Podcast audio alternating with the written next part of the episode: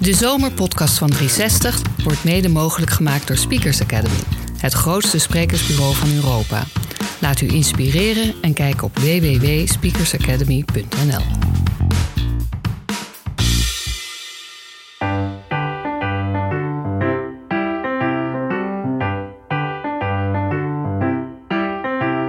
Welkom bij de Grote Zomer Wereldpodcast van 360 Magazine. Het hele jaar door brengt 360 Magazine elke twee weken het beste uit internationale pers in print en online. Behalve in juli, want dan slaan we een editie over. Om onze lezers niet helemaal verwees de zomer in te sturen, trakteren we op de grote Zomer Wereldpodcast van 360 met een selectie verhalen uit het tijdschrift, onder andere voorgelezen door drie van onze ambassadeurs: Adriaan van Dis, Sophie Hilbrand en Jan Mulder. Deze keer leest Adriaan van Dis. Ja, en ik ga lezen. Een verhaal Bestemming Paradijs, geschreven door Francesca Bori. Dat is een Italiaanse uh, journalist. Maar zij is met dit verhaal genomineerd voor de European Press Prize van 2017. Ze heeft hem niet gewonnen, maar nomineren is al een bijzondere verdienste. En waarom lees ik dit verhaal? Het gaat over de Malediven. En bij Malediven denken we, oh wat heerlijk, vakantie. Wel, ik zou zeggen, bedenk je voordat je daarheen gaat, naar die eilandenreeks.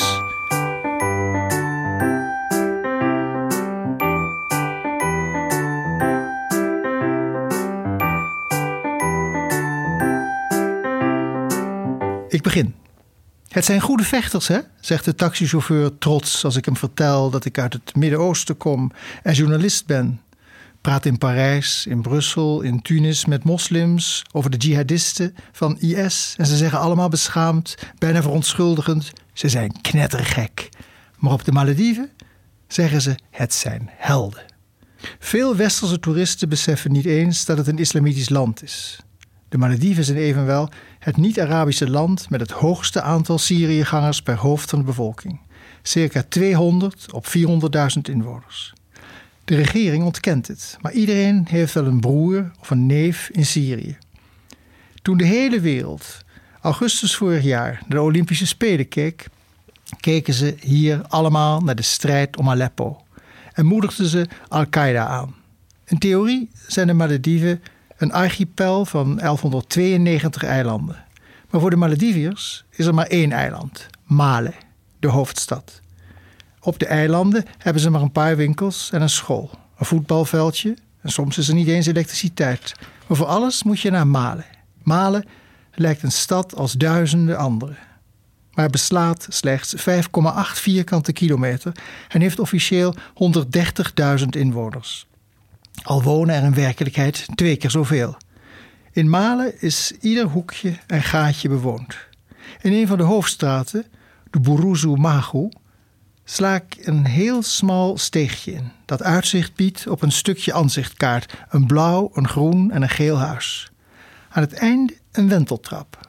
Achter de eerste deur rechts wonen ze met z'n vijven. Achter de eerste deur links met z'n negenen. En achter de tweede zijn ze allemaal immigrant. Ze komen uit Bangladesh, wonen met z'n achttiende in één kamer en slapen bij toerbeurt. In het huis daarna staat achter een deur een tafel van half verrot multiplex. Moeder en dochter zitten in het donker te kletsen en naast hen op een versleten mat zit een eveneens versleten oude vrouw te reutelen.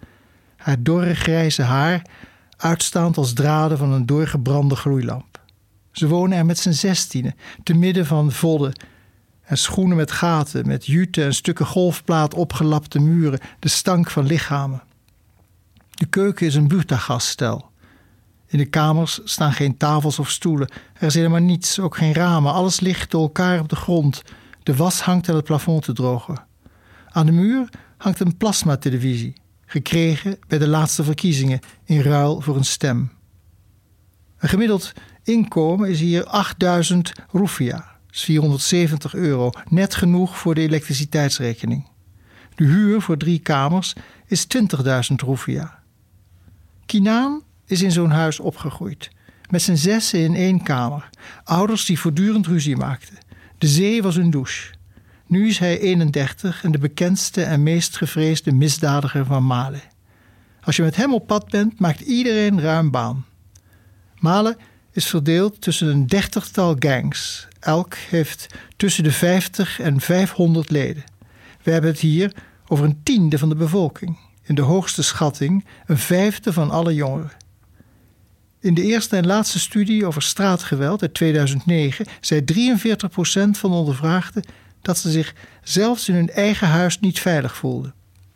Kinaan is op zijn vijftiende voor het eerst in de gevangenis beland, omdat hij had gevochten. Hij is sinds zijn zeventiende verslaafd aan heroïne en alcohol. En hij verkoopt nog steeds drugs om te overleven. Want niemand biedt je hier een tweede kans, zegt hij. Ik ben bereid elk soort werk te doen, maar niemand heeft me ooit willen aannemen. Zelfs niet als losser in de haven. Vroeg of laat worden we allemaal gearresteerd, allemaal vanwege drugs. Want als je met z'n tienen in een kamer woont, leef je in feite op straat. Malen is een hel. Je hebt er geen toekomst, niks. En alcohol is verboden. Heroïne kost veel minder dan wodka. En de straffen zijn hier onzinnig streng. Als je een mango steelt, riskeer je een jaar gevangenisstraf en ben je voor het leven getekend. Tegelijkertijd is er sprake van totale tolerantie. Worden namelijk ingehuurd door politici. Tegen vaste tarieven. 1200 dollar voor het ingooien van een etalage. 1600 voor het molesteren van een journalist. De opdrachten variëren van flyeren tot iemand overhoop steken. Dus als ze willen, als je van nut bent, halen ze je uit de gevangenis.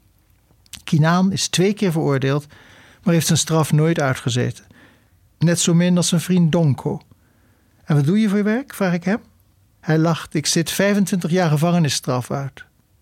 Kinaan probeert al tien jaar lang zijn leven te veranderen. En dus heeft hij besloten om nu op eigen houtje een tweede kans te creëren. Hij heeft besloten naar Syrië te gaan. Het is niet moeilijk, niemand houdt je tegen. Ze hebben allemaal belang bij zich van ons te ontdoen. We hebben al hun misdrijven gepleegd. We kennen al hun geheimen en we willen hier allemaal weg. Alles is beter dan malen. Als ik in Syrië word gedood, is het in elk geval om een goede reden. Voor velen is Syrië een economische en morele kans, een vorm van verlossing. Het enige wat Kinaan nog weerhoudt is dat hij wil proberen zijn broer Humam te redden. Na een moratorium van 60 jaar wordt de doodstraf weer uitgevoerd en Humam staat bovenaan de lijst. Hij is beschuldigd van het neersteken van een gedeputeerde.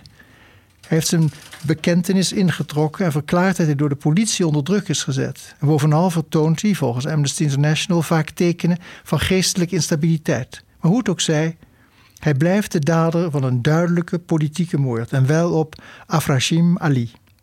Afrashim Ali was presidentskandidaat en Mamoum Abdul Gayoom, die 30 jaar lang van 1978 tot 2008 president was van de Malediven en ook nu wordt beschouwd als de vader des vaderlands, had verklaard dat zijn partij de kandidaat zou steunen met de sterkste geloofsbrieven in zaken de islam. Afrashim Ali dus, en niet Abdullah Yamin, de huidige president. Maar toen hij op een avond op weg was naar huis, is Afrashim Ali vermoord. In het nieuwe wetboek van strafrecht is niet alleen de doodstraf heringevoerd, maar is een jaar geleden ook voor het eerste keer de sharia geformaliseerd.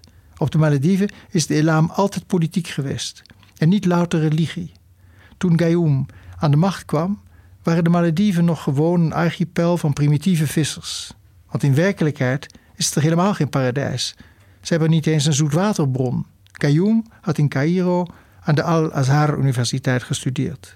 Voor de Malediviërs uit die tijd was zijn woord niet dat van een president, maar het woord van God.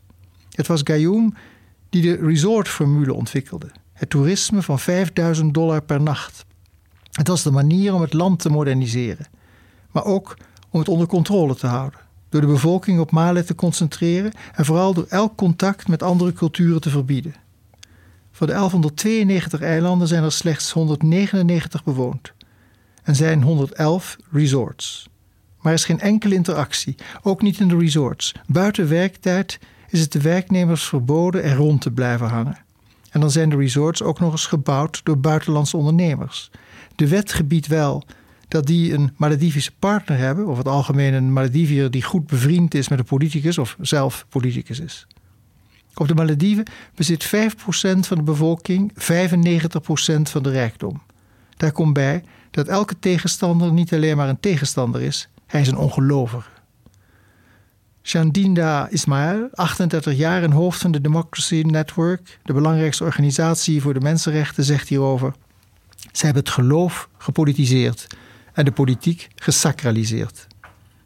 Zelfs de tsunami in 2004 is geïnterpreteerd als een straf van God. In allerlei filmpjes is te zien hoe het water op een van de eilanden alles wegvaagt, behalve de moskee. Het resultaat is nu dat er veel, heel veel jongens klaar zijn om naar Syrië te vertrekken. Neem Ali. Ali is 22 en ziet er bescheiden bij de ascetisch uit. Hij is mager, draagt slippers, jeans en een overhemd met een mao-boord dat een beetje op een tuniek lijkt. Drie, vier centimeter baard. Het is een zwijgzame, verlegen jongen. En hij is er bovenal klaar voor. Hij heeft de 3000 dollar voor de reis bijna bij elkaar gespaard door hash te verkopen.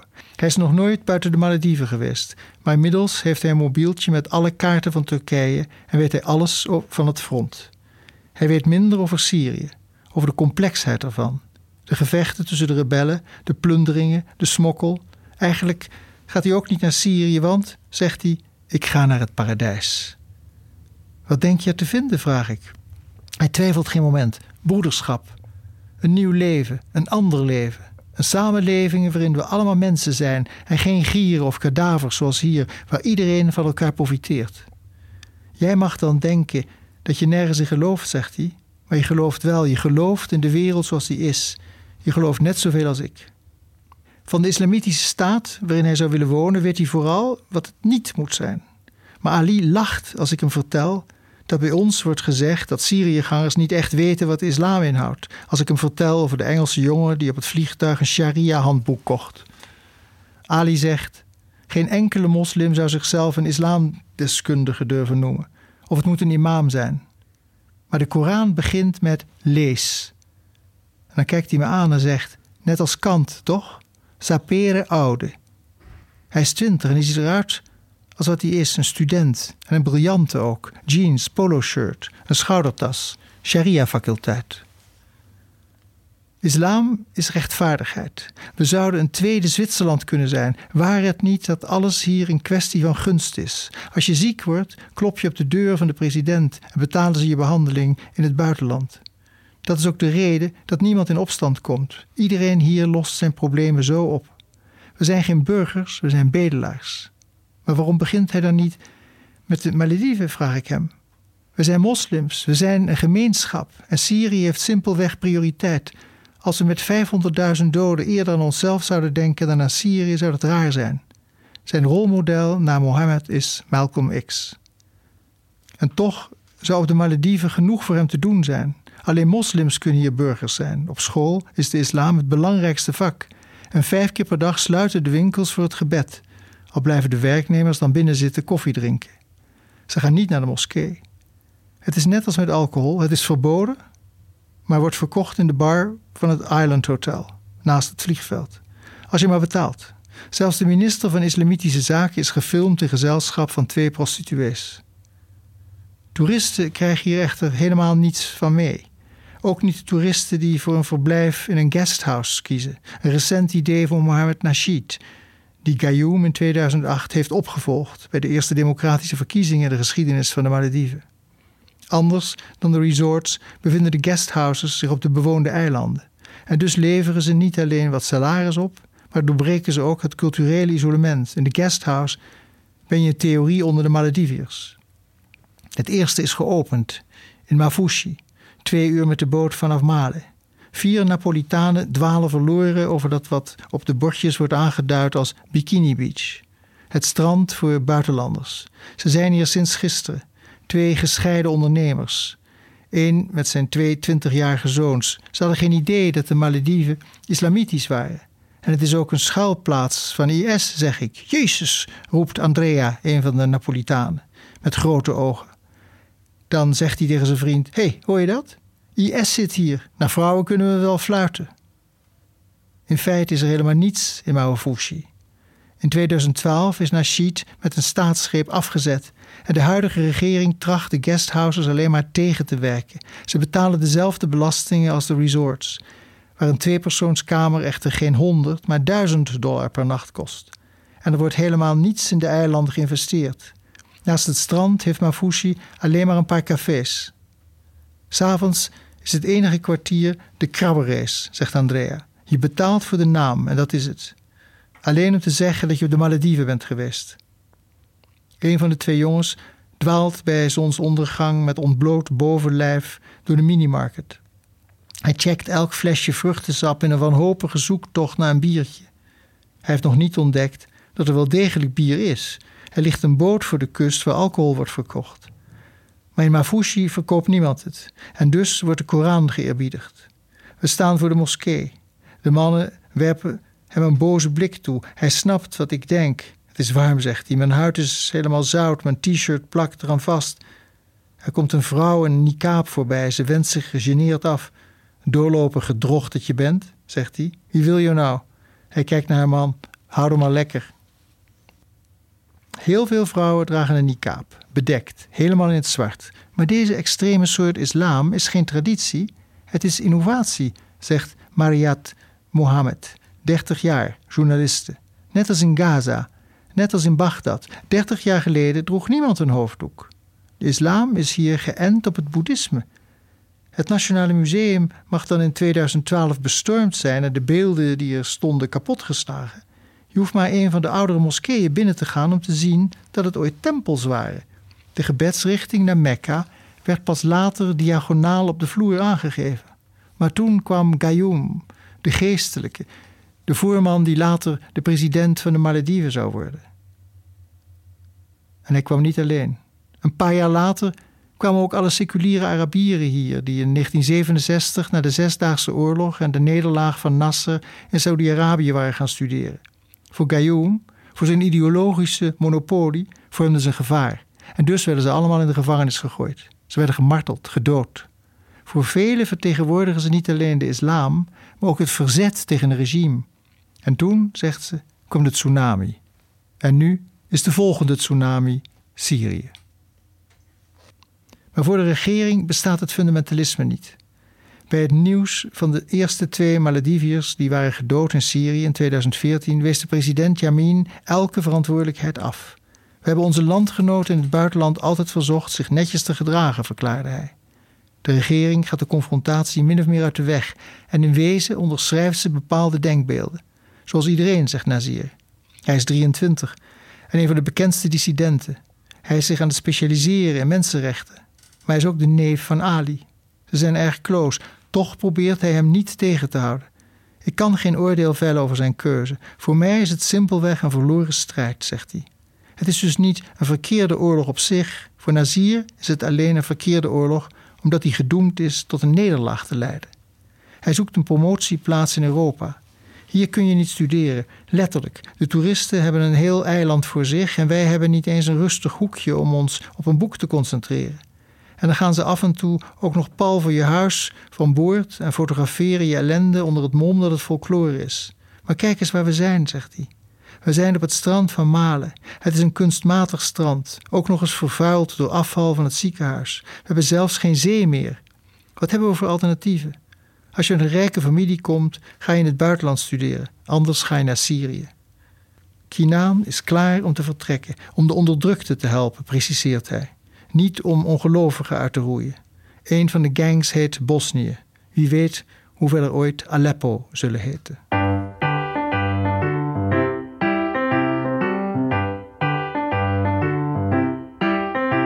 Dankjewel, Adriaan. Wist jij dat, dat uh, de Malediven islamitisch waren? Nee. nee, ik wist wel dat het heel duur was.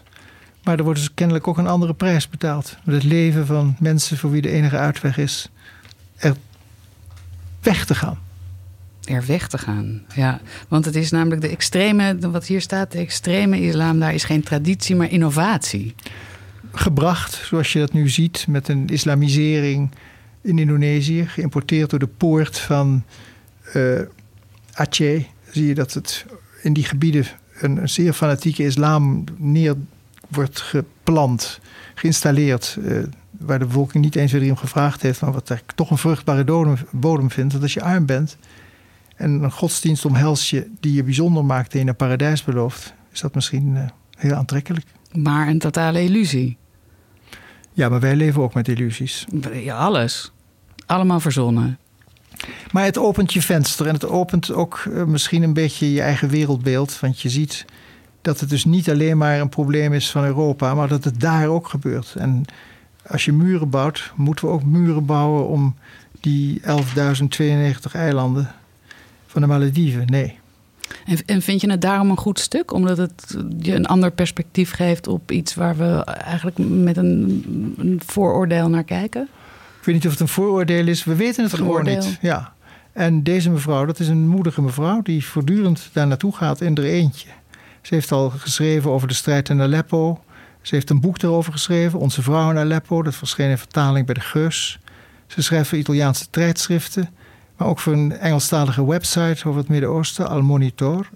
En dat doet ze allemaal in de uh, kwaaie boze eentje. Het is een, uh, een tough lady. Dat is ze zeker. Francesca Borri in dit stuk is verschenen in Internationale. In een uh, tijdschrift wat min of meer hetzelfde doet als 360. zij geven alleen af en toe ook nog een opdracht aan journalisten om zelf een stuk te schrijven. En dit stuk is bij hun verschenen in Internationale.